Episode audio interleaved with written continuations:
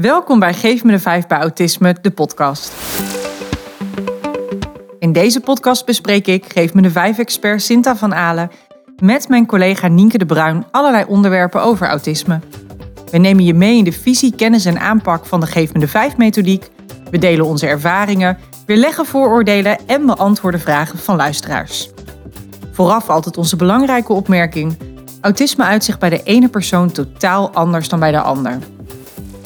Wij kunnen in deze podcast niet alles op maat maken, dus nuanceer wat we zeggen en gebruik vooral alleen dat wat bij jou past. Welkom lieve mensen bij aflevering 18 van onze podcast. Deze aflevering heeft als onderwerp mappen sluiten. En dit is toch wel een onderwerp waar ik altijd ja, erg blij van word. Niet van als mappen nog openstaan en een vol hoofd met zich meebrengen, maar wel van het sluiten, want het heeft zo'n enorm effect als je dat kan doen. Het brengt heel veel rust met zich mee. Ja, jij vindt het leuk om te doen, hè? Ik vind het ook leuk om te doen, omdat het ook een puzzel kan zijn om mappen te sluiten. En hoe kan ik dit nu precies op de goede manier aanpakken, zodat die gesloten kan worden? En ja, als je daar sport van maakt, dan is dat heel erg leuk om te Ja, doen. ja, Zeker. zeker. Ja.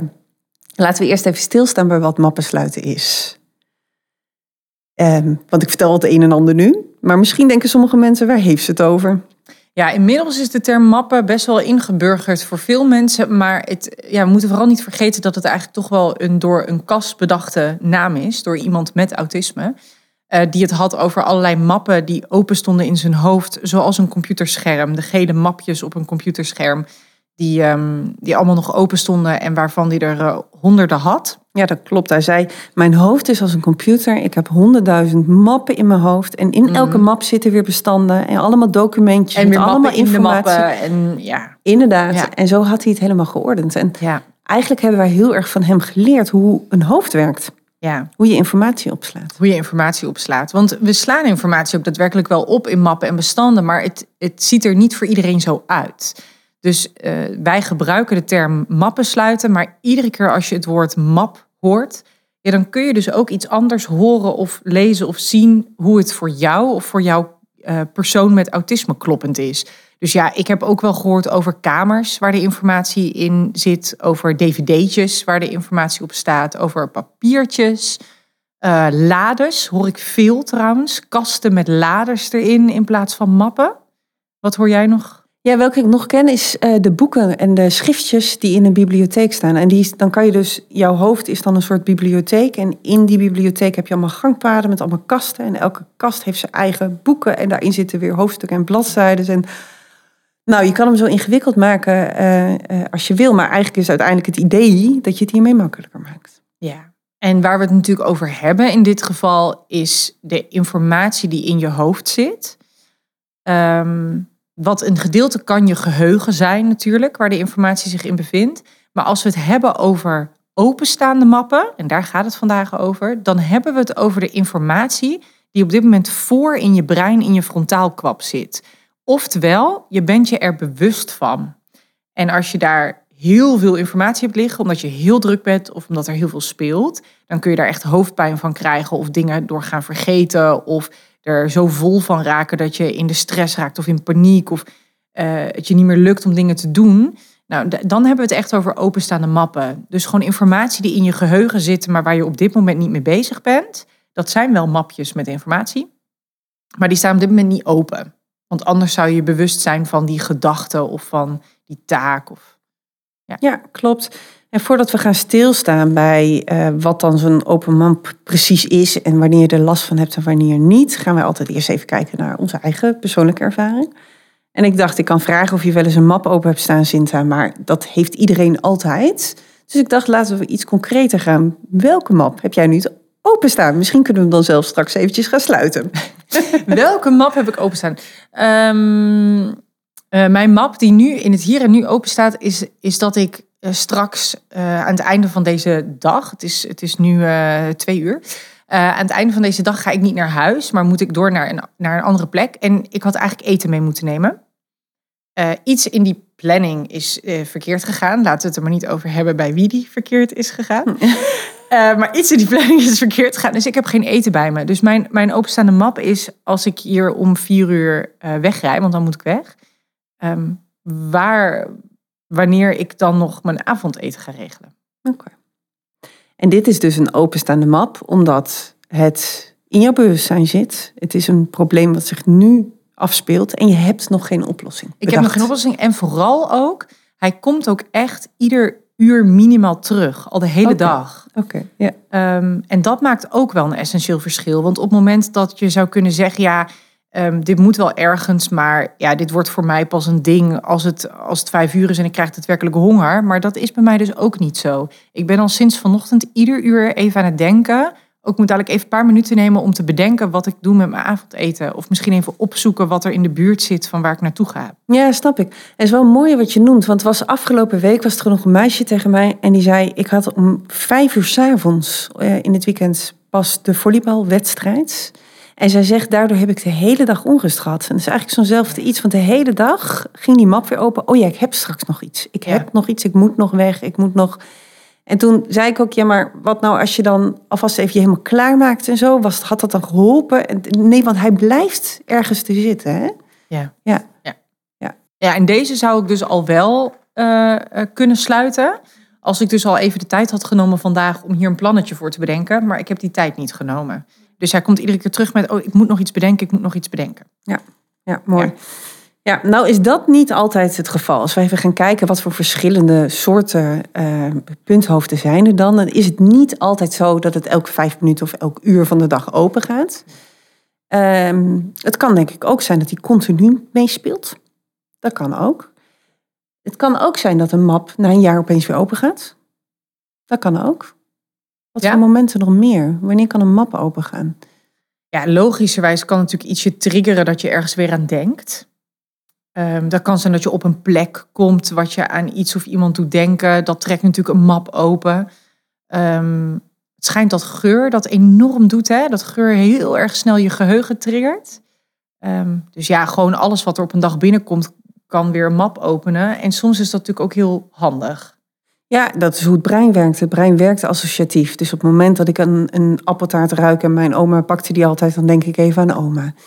Eh, dus dat is wat er gebeurt en dat is geen probleem. Dat is hoe het werkt. Maar op het moment dat ik, nou ik zou even een openstaande map van mij eh, noemen. Wij willen ons huis gaan verbouwen en we hebben plannen. En die worden langzamerhand gevormd, maar zijn nog lang niet rond. En ik denk over een paar jaar beginnen we er pas aan. Maar ondertussen, als ik iets zie over verduurzaming of over wat dan ook, dan gaat de map van de verbouwing weer open. En eh, dan is er dus wel in die map zit heel veel onduidelijkheid. En dan is de vraag, hoe zorg ik ervoor dat ik vandaag gewoon mijn werk kan doen? Dat ik vandaag gewoon kan doen wat ik allemaal gepland heb. En dat niet die map deed het open is, maar hoe kan ik hem dan weer even dichten? Ja, dat je daar niet in verzandt. Ja. Ja. ja, en ik denk dat dit voor iedereen wel herkenbaar is. Je kunt, kijk, mijn open map nu is iets heel kleins. En iets waarvan ik ook wel het vertrouwen heb dat die dadelijk opgelost wordt en afgesloten wordt. Eh, maar iedereen herkent, iedereen herkent dat natuurlijk, van die kleine dingen. Je kunt kleine dingen hebben die je wel in het hier en nu heel veel stress opleveren. Dan moet ik denken aan je paspoort kwijt terwijl je morgen gaat vliegen. Ehm, dat is heel stressvol. Ja, Ehm, maar je kunt ook eh, mappen hebben die inderdaad veel groter zijn. En die ook eh, je inderdaad volledig kunnen overnemen. Maar wat ook heel normaal is. Als je bijvoorbeeld in een rouwproces zit. Dat kan zijn van dat iemand is overleden. Maar het kan ook natuurlijk zijn een relatie die is verbroken. Ja, dan kan het dus best wel zijn dat dat je zo eh, op dat moment zo overneemt. Dat je ook even inderdaad niet kan werken. Jij zei net, hè, hoe kan ik het even wegzetten dat ik kan werken? Ja, dat is tot op zekere hoogte natuurlijk ook gewoon normaal. Mhm. Dat je dan een tijdje misschien wel even niet werkt. eh, omdat je daar ook gewoon geen ruimte voor hebt in je hoofd. zeker. Ja, is ook dan een onderdeel van het proces. Ja, ja, ja. En nou is natuurlijk het verschil. Kijk, iedereen heeft wel eens openstaande mappen. Ehm, en toch bespreken we dit onderwerp specifiek over of voor mensen met autisme. Dus daar zit nog wel een verschil. Ja, er zit zeker een verschil. En als ik dan nog heel even kijk naar het gedrag, dan zie je hè, naar wat je dan daarin merkt eh, aan iemand. Dan zie je dat mensen met autisme vaker eh, openstaande mappen hebben. En dat ze ook, naar mijn idee soms, dat je minder openstaande mappen kan, kan hebben dan iemand zonder autisme. Dus dat je al sneller daar een vol hoofd van hebt. En als je goed naar mensen kijkt, dan zie je dat het ja, misschien is dat nog eentje die ik wel, wel wil toevoegen, want je kan. eh, het effect van veel openstaande mappen is dus dat je een vol hoofd krijgt. En dat noemen we dus ook wel eens een punthoofd. Dat is het effect. En wat je dan wil, zo snel mogelijk die mappen sluiten.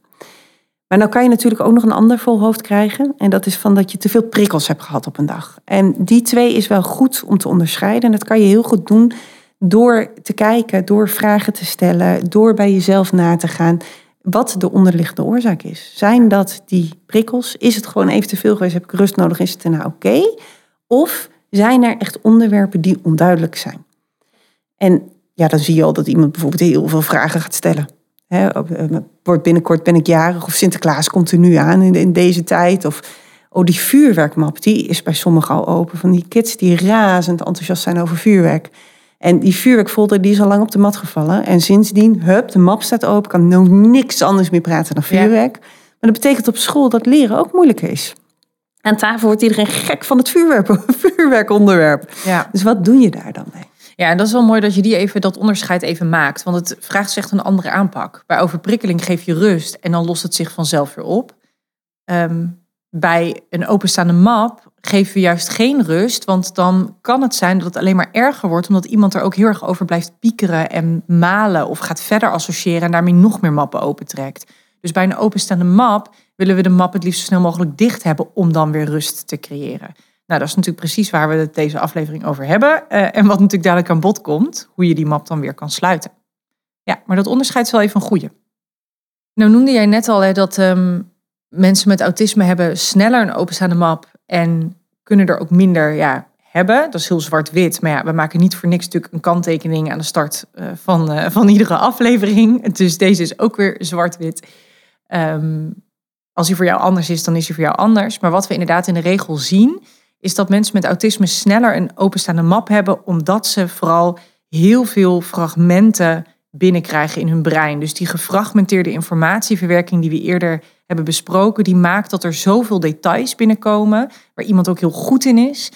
Um, maar wat betekent dat als je zoveel details binnenkrijgt, dat je ook heel veel details nodig hebt voor het, om het plaatje compleet te krijgen. Ja, wij zeggen ook wel om de puzzel compleet te krijgen. Dus om te kunnen betekenis verlenen aan wat er nou gebeurt of wat er gaat komen, te kunnen voorspellen wat er gaat komen, heb je gewoon veel meer details nodig. En als die dan niet worden gevonden in de omgeving of ze worden niet gegeven, dan krijg je een openstaande map. Ja, en dat gebeurt dus sneller als jij iemand bent die meer details nodig hebt.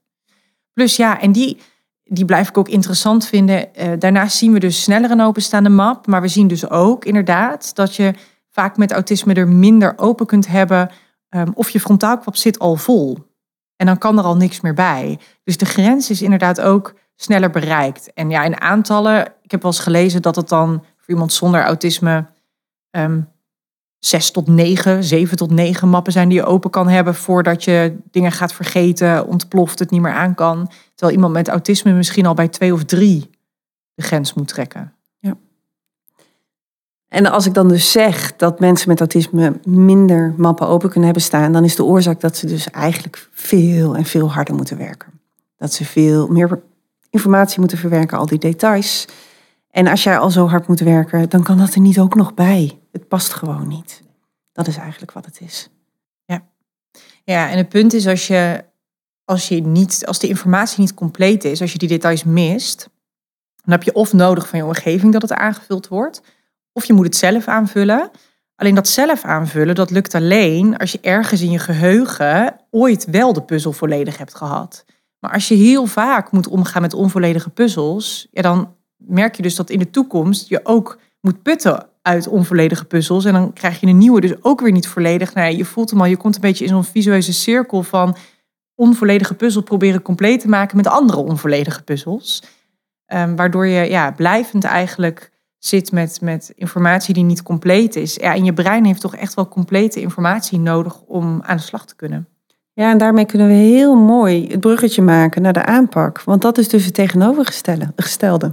Wat we willen is dat mensen die puzzel compleet gaan maken, het plaatje compleet gaan maken. Want op het moment dat jij duidelijkheid hebt, kan je dat ook gaan opslaan in je geheugen. Kan je dus ook die referentiekaders maken. En dan is de volgende keer de puzzel compleet maken weer makkelijker.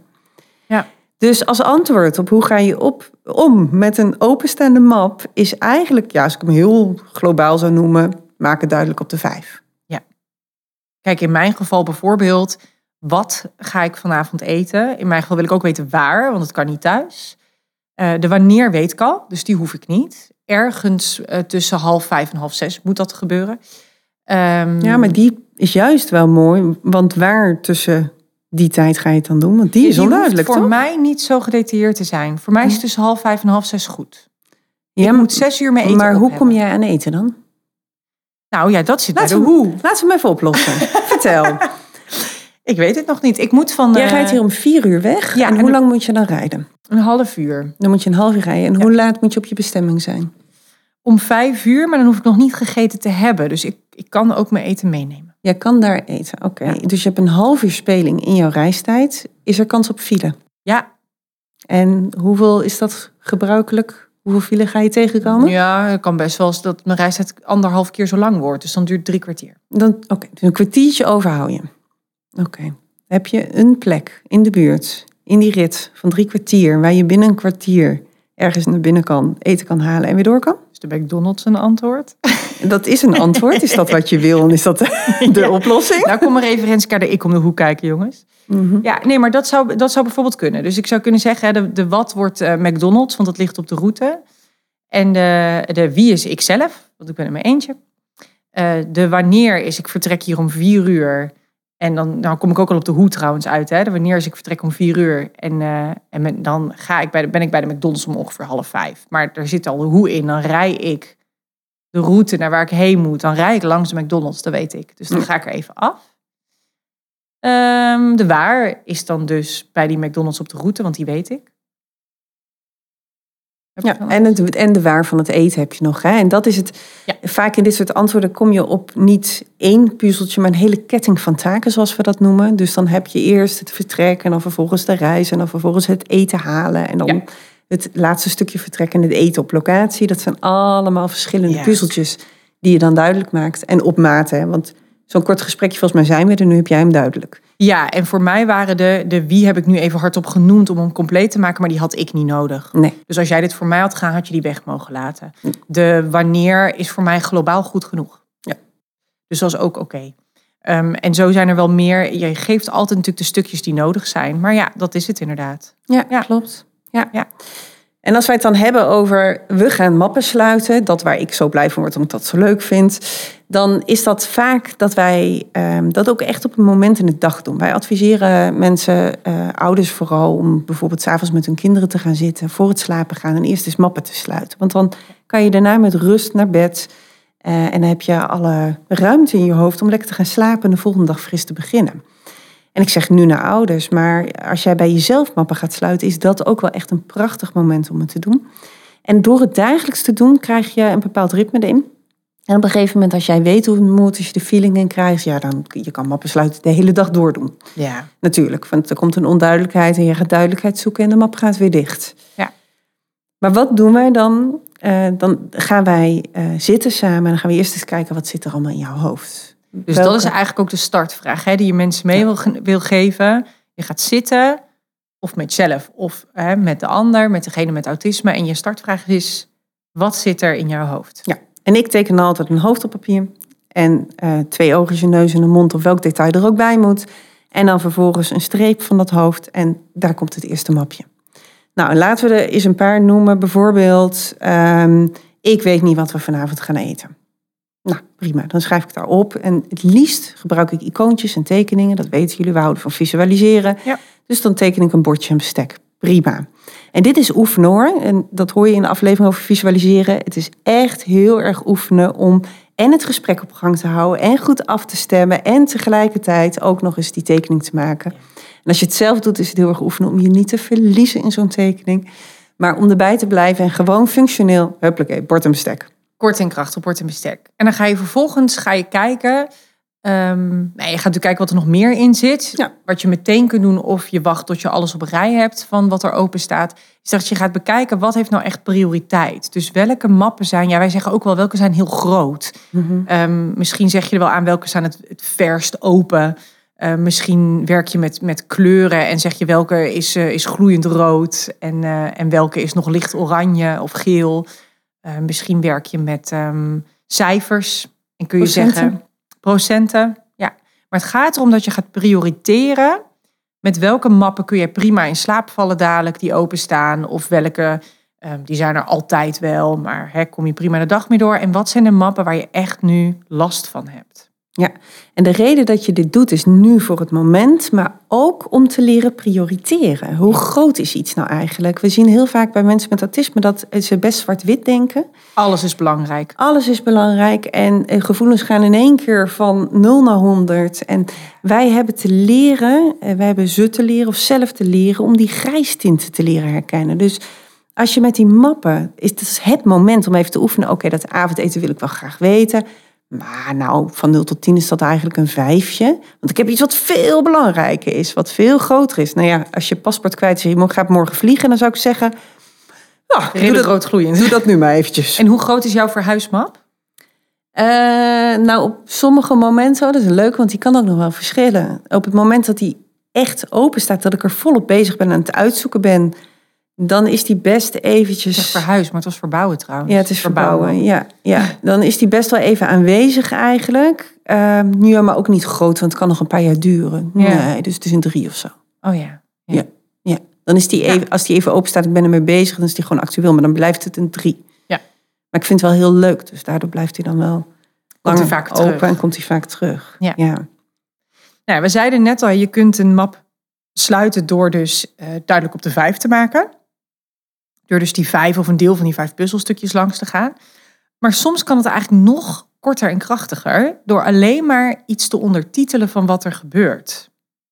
Um, bijvoorbeeld, we, nou, wij zitten hier nu in een, in een ruimte en uh, wij zitten hier onder een plat dak. Uh, en ik heb hier wel eens met mensen gezeten in deze ruimte voor een cursus die niet bekend waren in dit pand. En wat er dan gebeurt is als het gaat regenen, is dat mensen allemaal massaal naar boven gaan kijken en een beetje schrikken. Maar dat komt omdat je ieder klein druppeltje, voordat je überhaupt door hebt dat het regent, dan hoor je hier al die druppels echt vrij sterk op dat platte dak. En je ziet mensen gewoon denken, wat is dit? Wat hoor ik? En als jij dan net iets aan het vertellen bent, dan luisteren ze niet meer, want die map met, ik hoor een geluid en ik weet niet wat dit is, schiet open. En dan is eigenlijk het enige wat ik hoef te doen, is te zeggen, oh dat is de regen, we zitten onder een plat dak. En dat hoor je heel goed dan hoef ik niet helemaal te zeggen wie zit er in deze ruimte. Of um, nou ja, dan hoef ik niet iets helemaal duidelijk op de vijf te maken. Ik kan ook niet voorspellen hoe lang de regen duurt. Ik hoef alleen maar even te benoemen, dit is wat je hoort. En dan zie je al die kopjes zo weer ploep naar beneden zakken. Vaak reageren mensen er niet eens op. Maar dan is het gewoon even, dan kan de map dicht. Dan weten ze wat het geluid is en een map dicht en dan kunnen ze weer luisteren. Ja, en wanneer ik deze ook altijd gebruik is als iemand een heel vol hoofd heeft over de dag, over een situatie die gebeurd is en daar heel veel over vertelt. En eigenlijk zelf nog niet kan plaatsen wat er dan exact gebeurd is en er nog geen taal voor heeft. Dus toen deed hij dit, maar ik snap helemaal niet waarom hij dat deed. En toen, ja, toen heb ik maar dat gezegd, maar en dat gaat me door en gaat me door. Dan door te horen en te zeggen: Oh, dat komt omdat die persoon ook nog even naar moest denken. Ach, wat heb jij dat goed gedaan? Een hele mooie zin van jou. En dan komt dat van die ander. En dan, dan ondertitel je eigenlijk, geef je taal aan, al die situatie, aan die situatie. En dan komt er ook weer rust. Ja. ja. Oftewel, als er iets gebeurt in de omgeving waarvan je gewoon ziet dat, dat jouw persoon met autisme daar ja, eigenlijk vraagtekens over heeft en daardoor niet meer zelf tot een taak kwam of heel, eh, of heel vol zit, dan is het soms al genoeg om even te ondertitelen. Hè, waarom zegt diegene dat? Waarom gebeurt dat? Wat hoor jij? Wat zie jij? En dat kan vaak zelfs maar in één zin. En dan kan de map ook alweer dicht. Ik heb hem even opgeschreven, want hier gaan we nog een hele aflevering over maken, ondertitelen. Dat is ook een, mega onderwerp waar we heel veel mee kunnen. Dus we gaan nu gauw naar de volgende manier. We gaan naar de volgende en dat is uh, parkeren. Deze komt heel vaak voor. Want hoe vaak heb je wel niet een vraag, een onduidelijkheid waar je gewoon het antwoord niet op hebt? Als het antwoord van de juf moet komen, of als het antwoord van jouw leidinggevende of collega moet komen, of ja, als het antwoord gewoon volgende maand komt. Ja. En je weet misschien niet wanneer volgende maand, maar je weet dat het er nu nog niet is. Of over dat paspoort gesproken, omdat je nu op je werk zit en je weet sowieso dat hij thuis ligt, maar je kunt dus nu niet zoeken. Bijvoorbeeld, ja, dan is de enige manier waarop je dit op kan lossen door het te parkeren. Ja, en jij noemde al even uh, alle kinderen op dit moment die al helemaal uh, enthousiast zijn over bijvoorbeeld vuurwerk, maar eigenlijk ook over Sinterklaas. Nou, zeker vuurwerk, dat duurt echt nog, uh, nog zeker twee maanden. vanaf het moment dat wij nu in ieder geval dit opnemen, nog twee maanden. En wat je daarin ziet, ehm, is, is dat je ja, vaak de omgeving er best wel veel last van heeft als het al maandenlang speelt. Wat krijg ik voor mijn verjaardag? Welk vuurwerk mag ik dan afsteken? Ehm, wat krijg ik uh, voor Sinterklaas? Nou, et cetera. Dus ook daarvoor gaan we parkeren. En eigenlijk is ja, de manier waarop we doen is heel makkelijk. Wanneer wel? Wanneer gaan we het er wel over hebben? Klopt, je maakt een afspraak. Je kan natuurlijk je kan kiezen om het duidelijk te maken en antwoord op alle vragen te geven. Ja. Maar de reden waarom ik dit bij vuurwerk wel regelmatig heb gedaan en geparkeerd heb, is omdat het zo leuk is en de emotie en enthousiasme zo groot is dat het ook het kind zelf overneemt. Mm. Dus dan zeggen we inderdaad, we gaan parkeren. En wat je dan doet, dan kies je een datum zeg je vanaf die datum gaan wij praten over vuurwerk.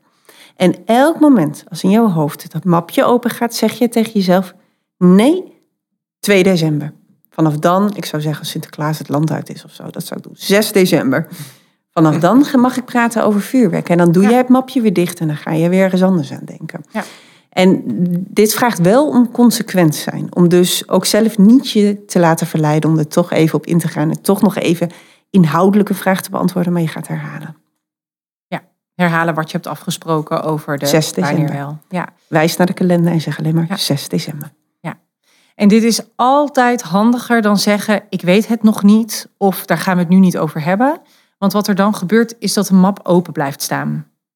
En als de map open blijft staan, dan blijft het dus ruimte bezet houden in het hoofd. Ruimte waardoor iemand niet goed tot, eh, tot andere dingen kan komen. En dat is gewoon heel erg zonde. Of misschien wel heel veel stress ervan ervaart. Ja, en dat is de Ja. grootste reden. Ja. Dus ja, We lopen trouwens even alle mogelijkheden langs van mappen sluiten. En dat zijn meerdere technieken die we dus nu even kort noemen. We hebben vijf verduidelijken gehad. En parkeren hebben we gehad en ondertitelen. En dan komen er nog twee. Dan wil ik wel even noemen naar de luisteraar dat dit iets is wat we heel graag doen, maar wat we nooit volledig kunnen doen. Hè? In onze cursussen komen al deze technieken komen uitgebreid aan bod. En dat is ook zo hiermee oefenen, dit echt goed op maat doen. Ja, daarom vind ik mappen sluiten zo leuk, want dat is echt een sport. En dat komt Ja. omdat het echt maatwerk is. Het vraagt echt, ja, misschien kunnen we straks nog even wat problemen langslopen die je tegen kan komen. Want ik wil Ja. graag heel veel meegeven. ja. Maar het is echt wel zoek hoor in de aanpak. Want wij zeggen, oh ja, hier doe je dit, hier doe je dat. Het klinkt zo makkelijk als wij Ja, het het is zeggen. echt een beetje een puzzel oplossen. Nou, daar is het. Ja, want Dat omdat het. zo erg om dat maatwerk vraagt van, eh, van ja, wat voor de ene map sluit, dat doet voor de ander helemaal niks. Nee. Ja, klopt. zeker. Nou, de laatste twee. De eerste daarvan is generaliseren. En ehm, ja, als ik daar een voorbeeld van bedenk, bij generaliseren hoort eigenlijk ook relativeren en het bedenken van een oplossende taak. Nou goed, ik, ik kom even praktisch met een voorbeeld. Stel je voor, eh, je hebt een leraar op school en die praat en praat en praat. En je hebt er echt last van. En die leraar die, die, geeft gewoon veel te veel informatie. Nou, en iemand komt daarmee en die zegt: Oh jongens, die leerkracht, ik vind hem vreselijk. Dan is dit een manier om de map te sluiten. Want je kan er niks mee, je kan die leerkracht niet veranderen. Dus jij hebt ermee te dealen. En dan zou ik zeggen: Weet je, op elke school is er wel elk leerjaar één leerkracht ja, die iets doet wat jij niet fijn vindt. En misschien heb je er dit jaar zelfs twee. En dat hoort gewoon bij school. En het enige wat je dan doet is, ja, deze leraar die praat veel. Dat hoort bij deze leraar. En dan ga je weer lekker verder aan het werk. Of dan ga je een tekening maken. Of dan ga je, bedenk je iets wat je kan doen. Ja. En dat is een voorbeeld van het generaliseren. Ik heb nog wel een voorbeeld eh, die ik laatst eh, tegenkwam. Een volwassen man die moest solliciteren en die niet wist wat hij aan moest trekken, omdat hij zei, ja, datgene wat, wat je misschien zou moeten aantrekken bij een sollicitatiegesprek, dat, is- dat past helemaal niet bij mij en dat voelt voor mij niet comfortabel. En ik ben ook helemaal niet van plan om, als ik word aangenomen, dat daar dan vervolgens ook aan te trekken. Eh, dus heel veel weerstand tegen waarvan hij wel wist, dit is eigenlijk wat je hoort aan te trekken. En toen heb ik ook gezegd, ja, het hoort bij solliciteren dat je je wat mooier of wat netter voordoet soms dan dat je misschien daadwerkelijk bent. Want je wil een goede eerste indruk maken. En als je daar dan komt op gesprek en je komt erachter hè, dat, dat iedereen heel casual gekleed is, nou dan weet jij dat. En dan kun je daarna voor je eerste werkdag heel casual gekleed gaan. Maar stel je komt daar en het blijkt dat iedereen nou, bij wijze van in een driedelig pak rondloopt en jij komt in je, in je spijkerbroek met gaten, ja, dan heb je kans dat je daardoor de baan niet krijgt. En dat wil je voorkomen. Dus het hoort bij solliciteren dat je je wat netter kleedt. En dan tijdens je gesprek kun je mooi afkijken wat de norm is op die plek en of dat bij jou past. Want ja, als je vervolgens denkt, iedereen loopt hier een driedelig pak en dat past niet bij mij, dan kun je ook zelf nog kiezen, dit is niet mijn baan natuurlijk. Ja. Ja. Ja, en dit is een oplossing op dat probleem. Maar wat ik gelijk denk als je deze zegt, ja, je zou hem ook heel anders aan kunnen pakken. En kunnen zeggen, ga zoals je wil. En ondertitel daar, ik heb geen pak aangetrokken of geen blouse, want dat past niet bij mij. En ik hoop Nee, dat het oké is. Dus het weer- was natuurlijk weer op maat, want hij wilde deze baan heel graag hebben. Ja, Dus ja, dat in mijn achterhoofd houdende, jij wil deze baan heel graag Ja. en dus pas je je aan. ja, ja, Ja. maar zo kan je meerdere kanten op en is dat altijd Zeker. weer maatwerk. Maar inderdaad een mooi voorbeeld van generaliseren hoe je ook, ja, dus ook met deze manier weer dus referentiekaders uitbreidt. En zegt, ja, bij solliciteren, dit is wat veel mensen doen. En nou stond jij denk ik dicht bij deze persoon, dus dan kan je deze keuze ook meemaken. Als jij, je kan ook de keuze le- neerleggen en zeggen, ja, veel mensen kiezen hiervoor. Die kiezen ervoor om zich aan te passen. Dat is eigenlijk wat 90% Ik ga gelijk in feiten, hè, en ik weet het niet zeker, maar ik, ik communiceer Nou, ik- veel met feiten. ja. 90% van de mensen doet dat. Ja. En dan is er ook nog 10% en die doet het anders. Ja. Maar als jij deze baan heel graag wil en je kiest daarvoor, dan is het wel belangrijk om te noemen. Ik kies hier bewust voor en ik hoop dat het niet erg is of ik hoop dat jullie dat leuk vinden juist om hem zo in te steken. precies. Ja. Ja. ja. Heel erg op maat De natuurlijk. laatste is een hele grote ook, want dat is de waarom verduidelijken. Ja, daar kunnen we volgens mij ook een keer een hele aflevering over maken, maar heel kort door de bocht. Soms heb je een, een openstaande map omdat iemand niet, niet, eh, niet helemaal begrijpt waarom iets gaat zoals het gaat. Eh, bijvoorbeeld, ja, waarom moet ik dan naar school? Ja. Dat kan een enorme openstaande map zijn, tot echt op het punt dat iemand weigert om naar school te gaan of ehm, ja, weigert om, om andere taken uit te voeren die, die moeten. En dat betekent dat we dan ook de waarom uitleggen, zodat de map ook weer dicht kan. En bij deze kun je dat bijvoorbeeld, nou, als je het hebt over feiten, op feiten doen. Omdat de overheid heeft besloten dat je leerplichtig bent tot je achttiende of volgens mij met een startbewijs. Nou, sterker nog, voor sommige mensen is het heel fijn als je ook even naar de website gaat van de overheid en het laat zien. Ja. Kijk, Ja. dit, dit zijn de regels. Klopt. En daarom En dan leg je de waarom uit op feiten. En je kan die waarom ook uitleggen met een dooddoener. Dus waarom moet ik naar school? Omdat ik het zeg. Ja. Dat kan je ook kiezen. Dat is soms de meest gebruikte als jij- van ouders ja, ooit. Als jij vierjarigen hebt, dan werkt dat Ja. vaak nog prima. Ja, precies, maar het kan ook zijn dat onder de waarom moet ik naar school ligt... ik weet echt niet wel wat het nut is. Nee. Want ik wil laten rechten studeren... en we hebben het hier echt niet over het Nederlands recht. Nee. Dus waarom ben ik hier aardrijkskunde aan het leren? Heb ik straks voor rechten echt niet nodig. Nee. En dan heb je echt uitleg te geven over de stapjes van school... en hoe dat in Ja. elkaar Als zit. jij rechten wil studeren, dan heb je een VWO-diploma nodig. Of volgens mij heb je ook HBO-rechten. Maar stel iemand wil advocaat worden, dan heb je een VWO-diploma nodig. En om je VWO te halen moet je op minimaal zeven vakken... Oh, dit is te lang geleden. Op minimaal zoveel vakken eindexamen hebben gehaald hè, binnen een bepaald profiel. En dat betekent dat je minimaal twee vreemde talen moet hebben. Nou, er zitten allemaal eisen aan en die eisen kun je ook weer ophalen. En dan kun je inderdaad terug beredeneren. Dus als jij advocaat wil worden en jij wil rechten studeren... heb je een VWO-diploma nodig. En dit zijn in Nederland de eisen voor een VWO-diploma. En dus moet jij aardrijkskunde volgen. Ja. Ja, En dit hoort bij waarom verduidelijken... want hier ben jij de interne motivatie aan het koppelen... aan dat wat er Ja. gedaan moet worden. ja. En vaak is het, hè, want dat is het, omdat die tussenstappen, dat er zoveel stapjes tussen zitten, die allemaal in verbinding staan met elkaar. Je moet die samenhang hebben om dit zelf te kunnen bedenken. Dus dit, dit heeft ook niks te maken met iemands intelligentie, maar het heeft meer te maken met of je kunt overzien wat al die stappen zijn die uiteindelijk leiden tot dat, eh, ja, tot die studiekeuze bijvoorbeeld. Ja, ja, daar heb ik nog wel een mooi voorbeeld van wat betreft die waarom verduidelijken. Want er was een, eh, eh, een vrouw en die zei op, op haar werk had ze een man waar ze echt niet mee om kon gaan, een collega. En zij zei, ja, alles wat hij doet, ik kan het niet plaatsen. Ik heb er last van, ik, ik, ik zit er gewoon vol van. Dus haar oplossing was heel simpel, ik ga hem gewoon ontlopen. Maar ze zat in een team met, haar, met hem en ze moesten samenwerken. en Ze hadden een gezamenlijke opdracht. Ja, Ja, dat kan niet. Maar Och. eh, ze had geen andere tools. Dus, dus ehm, eh, naast dat ik haar tools ben gegeven hoe om te gaan met die collega, ben ik ook die waarom, die interne motivatie gaan koppelen. ja. En heb ik uitgelegd, die collega, ja tuurlijk, ik snap, ik snap helemaal als het zo lastig is dat dit een oplossing is. Maar weet je wat het effect van deze oplossing is? Dat is dat het team ook ja, niet jou kan bereiken in deze opdracht. Dat is dat jij je buitensluit. En deze opdracht wil jij graag doen. Deze opdracht is onderdeel van jouw werk. En dan ga jij dus van jouw werk weglopen. Kan dat? Kan jij werk niet doen? Nee, dat kan niet, want ik wil gewoon mijn werk doen. Ik wil gewoon een afspraak houden. Ik wil daarin gewoon meedoen. Ja, dus dit is niet de oplossing. Nee. En deze klinkt zo logisch. Hij, hij, maar hij was voor haar echt even... Oh, ja, Ja. wacht even.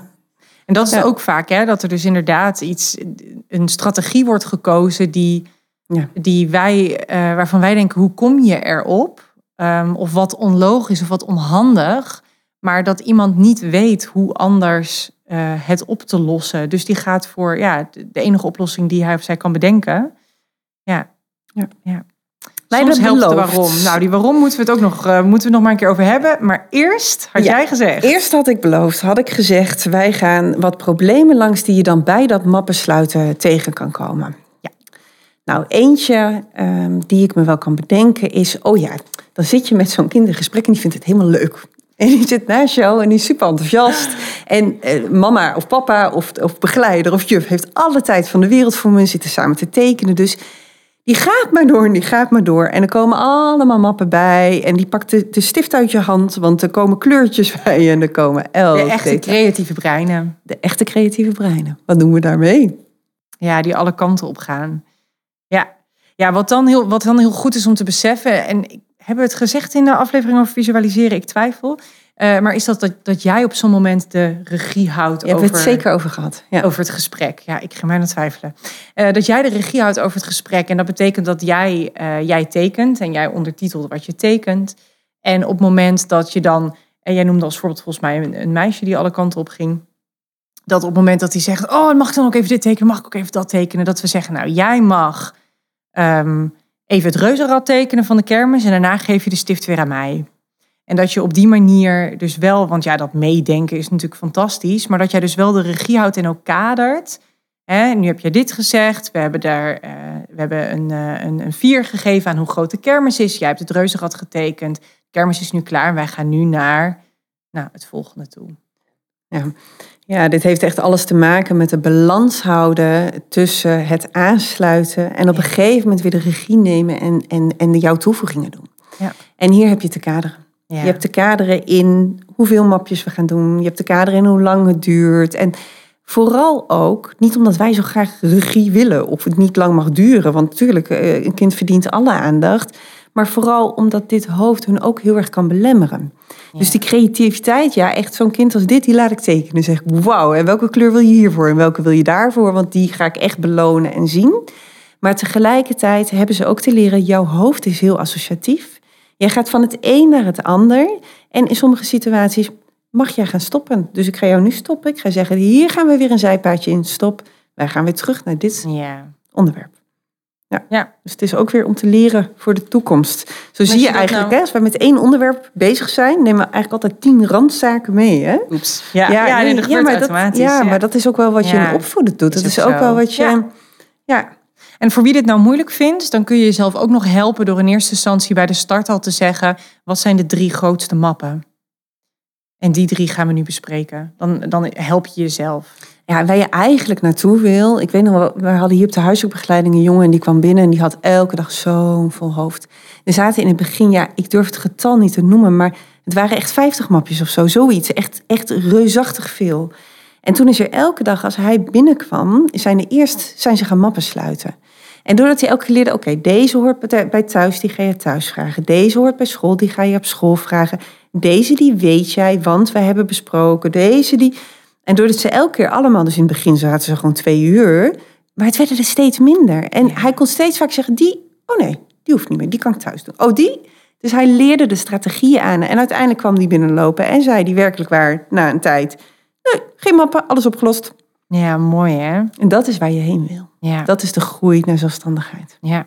Oké, ander probleem waar we tegenaan lopen. Oh ja, eentje die ik heel vaak hoor, is dat ehm, mappen, jij noemde het al heel even in het begin, mappen die dan na een jaar weer in één keer open gaan. Die dan om de zoveel tijd in één keer open gaan van dingen ja, waarvan iemand anders zou zeggen, oh dat is al lang afgesloten. Maar dat blijft dan terugkomen om de zoveel tijd. Terwijl inmiddels is het, nou weet ik veel, vijf, zes, zeven jaar geleden. Het, het kan meerdere oorzaken hebben. Ehm, dit kan zijn dat je die map open gaat omdat je, nou heel stom, je verveelt. En dan gaat dat mapje weer open, die kan voorkomen. En dan is er eigenlijk de onderliggende vraag, wat mag ik nu gaan doen? Ja. Het kan ook zijn dat hij nog steeds niet duidelijk is. En dat hij wel ergens weggezet en geparkeerd is. Maar nog niet duidelijk. En dan hebben we hem duidelijk te maken. Dan hebben we te zoeken naar hoe kunnen we zorgen dat hij voor altijd dicht blijft. Het kan ook zijn dat er veel lading op zit op die map. Dat er veel emotie is. Dus dat er ja, dat, dat stukje nog verwerkt moet worden. En dat hij daarom een hele goede reden weer even open gaat en aan de oppervlakte is. Ja. Ik denk Ja, en meerdere waar ik meteen aan moet denken is een, een casus die ik een aantal jaar geleden kreeg over een cliënt eh, wiens eh, een van de grootouders was overleden, wat inmiddels tien jaar geleden was. Maar op het moment dat het woordje opa of oma viel, dan werd hij verdrietig alsof het, eh, alsof het net was gebeurd. Hier heb ik zo'n luisteraarsvraag over. Oh, mooi. Ja. Ja, die is volgens mij net iets anders, maar daar gaan we bij stilstaan. Ja, leuk. Nou, de situatie is misschien wat minder leuk, maar er kwamen hier meerdere, meerdere vragen over. Ja. Ja. En dan heb je ook nog ehm, de mensen die, eh, waarmee iemand besluit die eh, ja, in de jammer zitten. Overal beren op de weg en altijd nog weer, nog weer een vraag en nog weer iets. Ja. En dat is eigenlijk, kunnen we daarmee aansluiten bij de vorige doelgroep. Want dat is ook dat associatieve brein. Hè? ja. En dit zijn vaak de, ja, de echte slimmerikken die zoveel opties kunnen bedenken. Dus dat is echt, ja, dat is gewoon heel slim. Maar wat nou als de McDonald's dicht zit? Bijvoorbeeld. Ja, maar die kans- McDonald's is niet dicht, want die is 24 uur per dag open. Ja, maar misschien zijn ze nu al aan het verbouwen. En dan zijn ze wel dicht. Ja, en dat is allemaal kans. En, en Ja. dit kan zo ver doorgaan dat je denkt... Ah, wat moet ik nu zeggen? Welke Ja. kant moet ik nu op? Want we hebben er honderd gehad. Ja. En dit vraagt echt om die persoon inzicht te geven in hun brein. En dus te gaan uitleggen, kijk eens, dit is hoe jouw hoofd werkt. En het associatief denken uit te gaan leggen. En dan een afspraak te gaan maken. Hoe gaan wij dit stoppen? En die persoon dan zelf te gaan leren door te zeggen, oké, ik bedenk honderd dingen. Maar stop, die kans is heel klein. Dus stop dicht, Ja. komt goed. En voor de kassen die dat, eh, die dat kunnen, die eh, eh, qua intelligentie dat kunnen of qua leeftijd dat kunnen, hoe meer je dit in van die percentages kunt vangen, het echt feitelijk maken, hoe beter dit werkt. Zoals jij zegt, de kans is heel klein. Als je echt kunt, kunt op tafel kunt leggen, of misschien zelfs wel kunt onderbouwen, die kans is 0,0001 procent. ehm, dan, dan werkt dat nog sterker. Ja. Maar dan hebben we het natuurlijk over mensen die daar ook met het begrip van percentages kunnen werken. Want daar hebben we het eigenlijk nog weinig over gehad. Hè. Die moeten we misschien ook nog even tackelen in het kader van mappen sluiten als het niet lukt. Eh, hoe je dat kunt doen bij mensen met een lage intelligentie, met mensen met verstandelijke beperking. Ja, dat klopt. Daar kreeg ik zelfs ook een vraag over binnen. En die snap ik zo goed. Die zou je ook vaker bij de training horen. Want wat nou als iemand dan een verstandelijke beperking heeft... en, en die kan zelf niet noemen welke mappen er in zijn hoofd zit. En dat vind ik altijd een, een mooie vraag. Want dan is mijn eerste vraag terug altijd... hoe weet je dan dat er een map open staat? En ja, dit ligt helemaal aan het niveau hoor. Want je weet pas dat die open staat op het moment dat er dus iets van onduidelijkheid genoemd wordt. En als dat niet genoemd wordt, ja, dan is het vaak ook zo dat de persoon meer in het moment leeft. En het enige wat jij dan kan bieden is duidelijkheid in het moment. Ja. En dat betekent heel veel ondertitelen. En hoe lager het niveau, eh, als jij verstandelijk gehandicapte cliënten hebt die op een niveau van drie of vier eh, functioneren, dan ga jij zoals een kind bij drie of vier, dan ben jij nabij en dan ondertitel je wat er gebeurt. Ik ga jouw hand vastpakken en wij gaan lopen en dan komt iemand langs en dan kijk je. Kijk, daar is Marije. Marije loopt daar ook en wij gaan die kant op. En nou, die kant op is eigenlijk al een stap verder. Eigenlijk ben ik hier. En dat is wat je ondertitelt. En daarmee ben jij in dat moment duidelijk en voorspelbaar. Maar ja, als je een niveautje hoger gaat, dan kan je ook iets verder in de tijd kijken. Dus dan maken Ja. we ook verder in de tijd voorspelbaar. En openstaande, terug en eentje verder. ja, ja, een openstaande map vraagt echt wel iets meer van jou daarin. En vaak hoor je dan ook wel ehm, dat er een onduidelijkheid is. Dus, dus ik vind mijn verjaardag stom. Krijg je dan bijvoorbeeld? Oké, Ja. verjaardag is stom. Dat snap ik, want jij weet niet hoe jouw verjaardag gaat. Dat weet ik dan, want ik weet wat autisme is. Dus ik weet, dit zit eronder. Ja. Ik ga jou het vertellen hoe de verjaardag gaat. En dan ga ik een tekening maken en dan vertel ik hoe de verjaardag gaat. Dus bij laag niveau samengevat ga je kijken hè, of, het, of het passend is om überhaupt het te hebben over dingen van, van die al geweest zijn of die gaan komen. Of dat het veel meer in het hier en nu leven is. En als je het wel kunt hebben over dingen die geweest zijn of die gaan komen, dan is het vooral heel zaak om goed te kijken naar de vraag onder de vraag. Want mijn verjaardag is stom. Grote kans dat het niet betekent mijn verjaardag is stom, maar dat er eigenlijk een vraag onder zit. Het is altijd duidelijkheid. Is heel En, en simpel. die vraag is altijd inderdaad, er is iets onduidelijk. Wie gaan er komen? Gaat iedereen die ik heb uitgenodigd wel komen? Hoe laat zijn ze er dan? Ehm, gaat de taart er wel zijn die ik, eh, die ik heb gekozen? Ga ik de cadeautjes wel krijgen die ik heb gevraagd? Ga ik genoeg geld hebben aan het eind van mijn verjaardag om te kopen wat ik wilde kopen? Ja, die vraagt al, al nog weer wat meer, inderdaad. Maar, Ja, maar dat zijn wel de vast, vragen maar- die zeker. Ja, en dit, dit is ook bij hele jonge kinderen. Het is precies hetzelfde. De, de vragen gaan dan om duidelijkheid, altijd. Het is onvoorspelbaar, het is onduidelijk. Dus je weet altijd wat je te doen hebt. En daar ga je op afstemmen en je houdt het kort en bondig. En zo'n tekening kan je ook van tevoren maken. En dan laat je zien, kijk eens wat ik heb getekend. Dit is jouw verjaardag. ja. En vanaf nu weet jij het. hey, nog een moeilijke.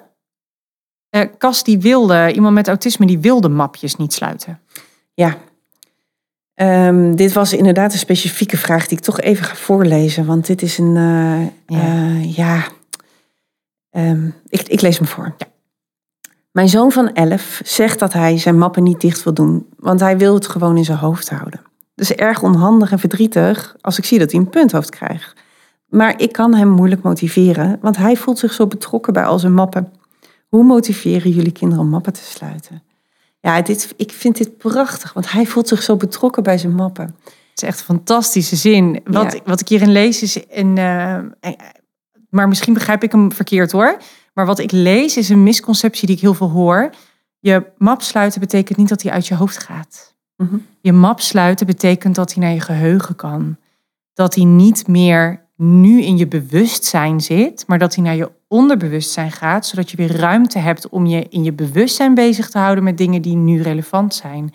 Dus vaak hoef je, en ik hoop dat dat bij jouw zoontje ook werkt, alleen maar uit te leggen dat de map niet in de prullenbak gaat, maar dat hij naar zijn geheugen gaat. Ja, dus hij blijft bij hem. Hij Ja. blijft van hem. En hij blijft juist degene Ja. die, hoe zegt hij dat zo mooi, die er betrokken bij is. Prachtig. En alleen als je iets echt wil weggooien, dat kan, moeten we het ook maar een keer over hebben. Maar daar, ben, daar, heb, daar heb je zelf, ehm, ja, daar, daar ben je zelf eh, bij. Je bent Ja, zelf baas. Dit is wat hij te je leren weggooit. heeft. En nou, dit is een mooie die je zegt. Want ik zou hem gelijk generaliseren en zeggen: Wist je dat jij de baas over jouw hoofd bent? En dat betekent dat in jouw hoofd alles mogelijk is. En dat jij dus kan kiezen wat je wil. Dus je kan mappen sluiten en ze dan ondertussen wel de baas blijven en wel zelf. eh, ehm, eh, nou, wat zegt hij nou? Betrokken? Ik, ik vergeet het ook. Ik vind het zo'n mooi woord. Ja. Er betrokken bij blijven. Tuurlijk kan dat. Jouw Ja. hoofd. Jij bent de baas. Ja. Ja, als hij die gaat weten, dan, dan gaat hij hiervoor gemotiveerd zijn. Want de volgende motivatie is, jij wil rust in je hoofd. En dat willen we allemaal. Laat zien dat woordkeuze belangrijk is. Als wij dus Zeker. zeggen, gooi de map maar weg. En dat wordt letterlijk genomen. Ja, dan kan iemand dus denken, ja, maar dat wil ik niet. Dus dat kan echt uitmaken. Ja. Ik heb er nog eentje. Het moment ehm, waarop je in het heetst van de strijd zit. Ik moet denken aan, er is een jongetje in een voetbalwedstrijd. En hij doet iets en de scheids die vindt dat hij niet in de aanval moet, maar in de verdediging moet. En die, nou niet de scheids natuurlijk, zijn coach Mhm. vindt dat. De scheids die, die doen andere dingen. De coach vindt dat en dat jongetje is het er niet mee eens. Want hij heeft een heel ander zicht op het spel. Hij gaat de discussie aan, wordt uiteindelijk van het veld afgestuurd. En er, nou, die map staat reusachtig open, want die coach die ziet het verkeerd. Onrechtvaardigheid. Onrechtvaardigheid. Ja. Op zo'n moment kan je niks. Nee. Op zo'n moment moeten we eerst afkoelen, moeten we eerst rustig worden. En vervolgens kunnen we thuis, kunnen we achteraf, op een rustig moment. En die achterafmomenten, mensen, die zijn essentieel. Wat kan, doen wij altijd in het moment. Maar als het daar niet kan, dan hebben we altijd een herkansing. Kunnen we het altijd terugpakken. En dan gaan we de map sluiten. En dan gaan we zeggen, als jij op het veld staat, dan heb jij twee keuzes. Jij hebt keuze één. En dat is dit vinden en het er niet mee eens zijn. En daar kan je alsnog heel erg gelijk in hebben. Maar dan is de consequentie dat de coach zegt, jij mag het veld af. Ja. En keuze twee is, je haalt je schouders op. Je zucht een keer diep. Je denkt, ja, al weet ik het beter. Dit is wat ik moet doen. En je voetbalt verder, zoals de coach gezegd heeft.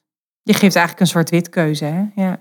En voor mensen die denken, ja, maar dit, dit kan mijn kind of mijn eh, partner met autisme, ehm, die kan dit echt niet. Ja, dan ehm, dan, dan is er ook niet iets wat wij nu kunnen zeggen waardoor je de map dus wel kan sluiten. Dit zijn echte voorbeelden waarin op dit moment eh, je niet kunt verwachten ehm, dat die map dan maar zo even dicht gaat, hup en door. Ja. Mhm. En dat wil niet zeggen dat dat dan de rest van iemands leven niet lukt.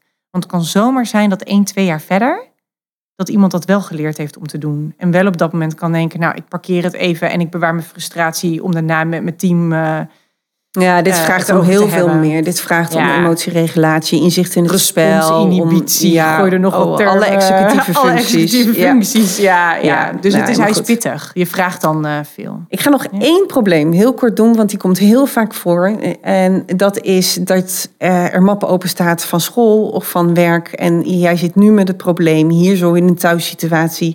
Maar je kan hem niet oplossen, want je hebt de informatie niet. Je was er niet bij.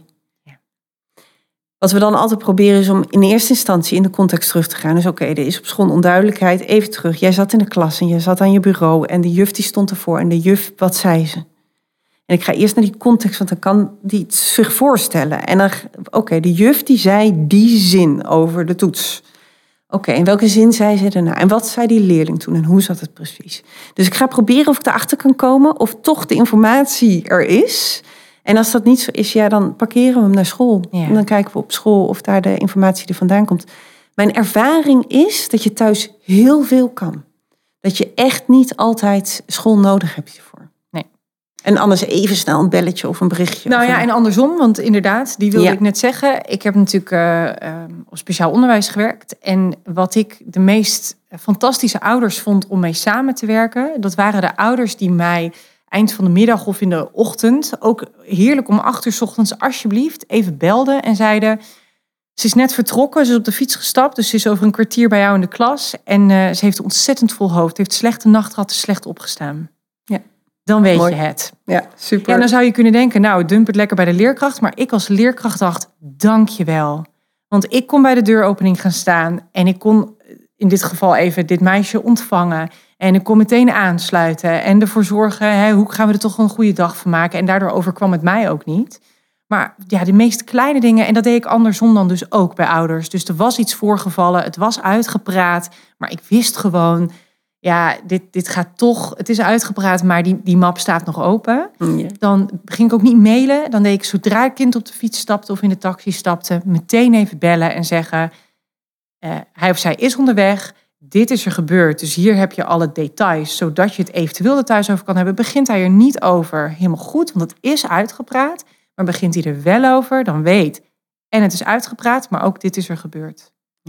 En dit is de ideale situatie, maar Ja. eigenlijk in sommige gevallen ook wel noodzakelijk. Zeker als je het Ja. over die kwetsbare doelgroep, die jonge Nou ja, kinderen ik had 14 of- kinderen met A6 in de klas. En 14 is dan ook nog te, te overzien. Stel, je moet er een keer 10 Ja. bellen op een dag. Gelukkig nooit gebeurd. Maar dan is het nog net haalbaar.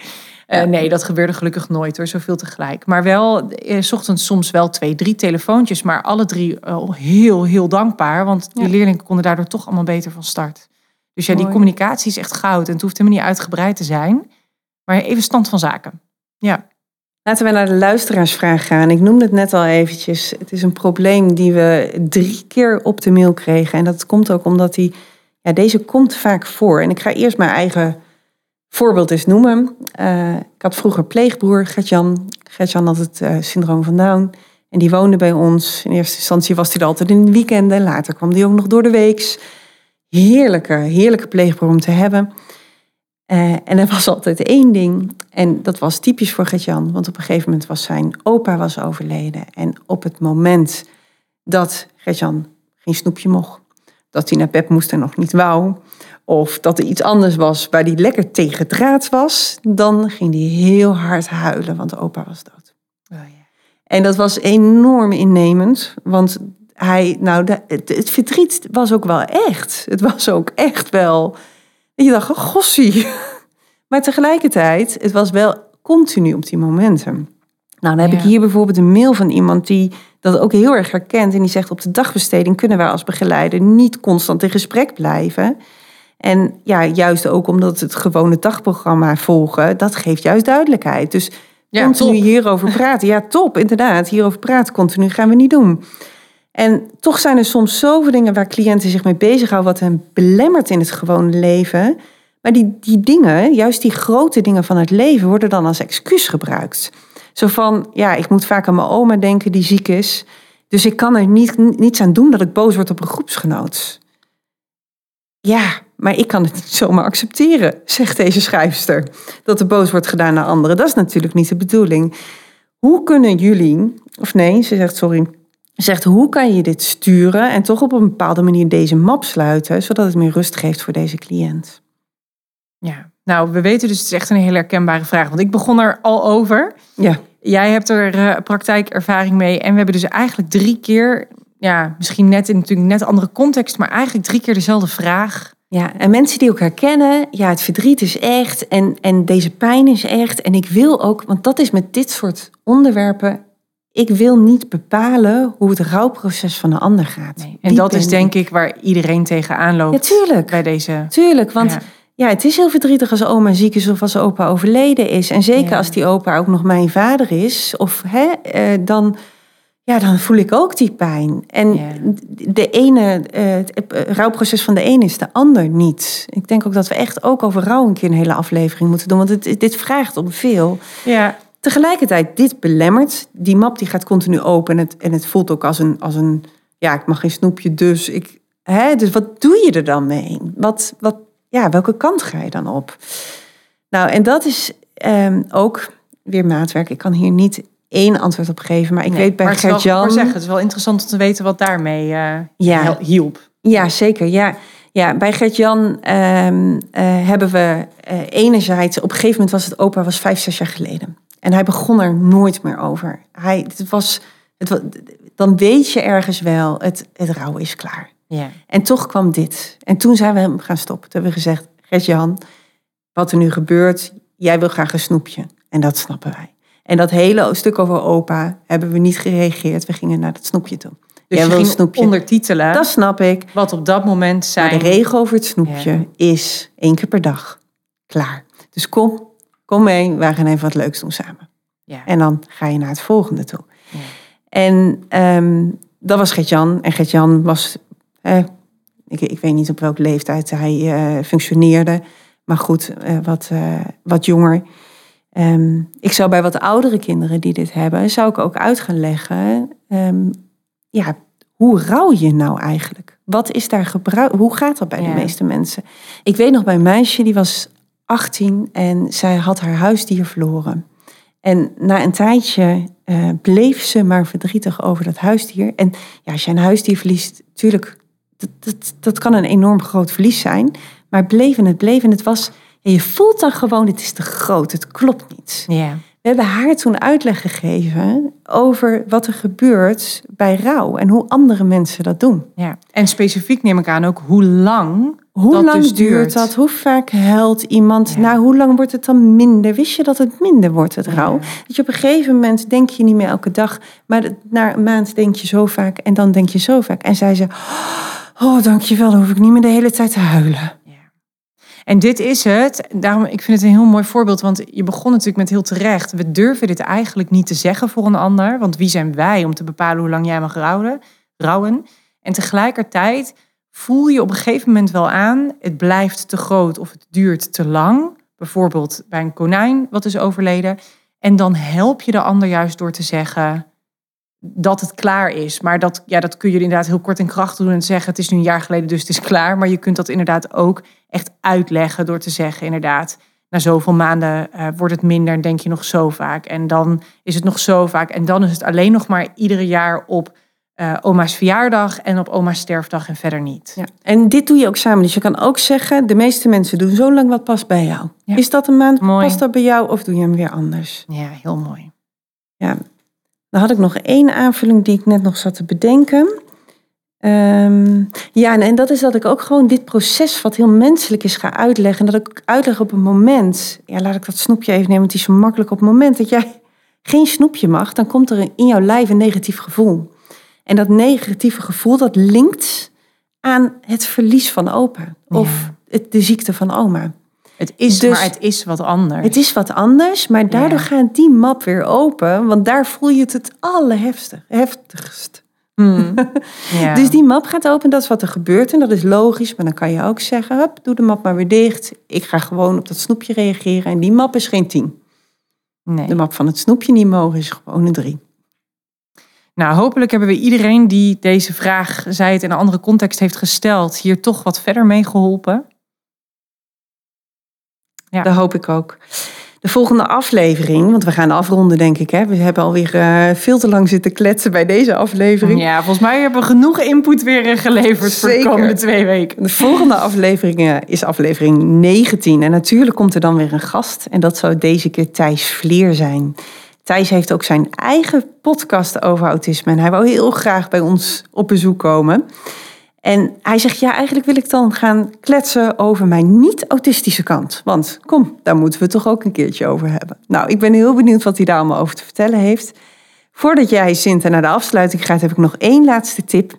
In onze webshop staat namelijk ook een whitepaper over mappen sluiten. En daar kan je nog weer even teruglezen wat wij hier aan technieken hebben genoemd. Dus super fijn om te downloaden als eh, extra hulpmiddel. Het is eigenlijk gewoon een handout bij deze aflevering. Zeker. Hoe tof.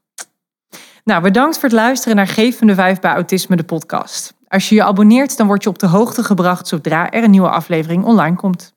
Vergeet ook zeker niet om een reactie op deze aflevering achter te laten, daar waar je deze aflevering hebt beluisterd of op onze social media. Wil je nou meer leren over Geef me de Vijf? Kijk dan op onze website www.geefmedevijf.nl voor onze boeken en scholingsaanbod. En hier kun je dus ook die mooie whitepaper terugvinden. Heb je vragen of opmerkingen over deze aflevering? Stuur die naar podcast.geefmedevijf.nl. Dat is Geef me de Vijf met het cijfer 5.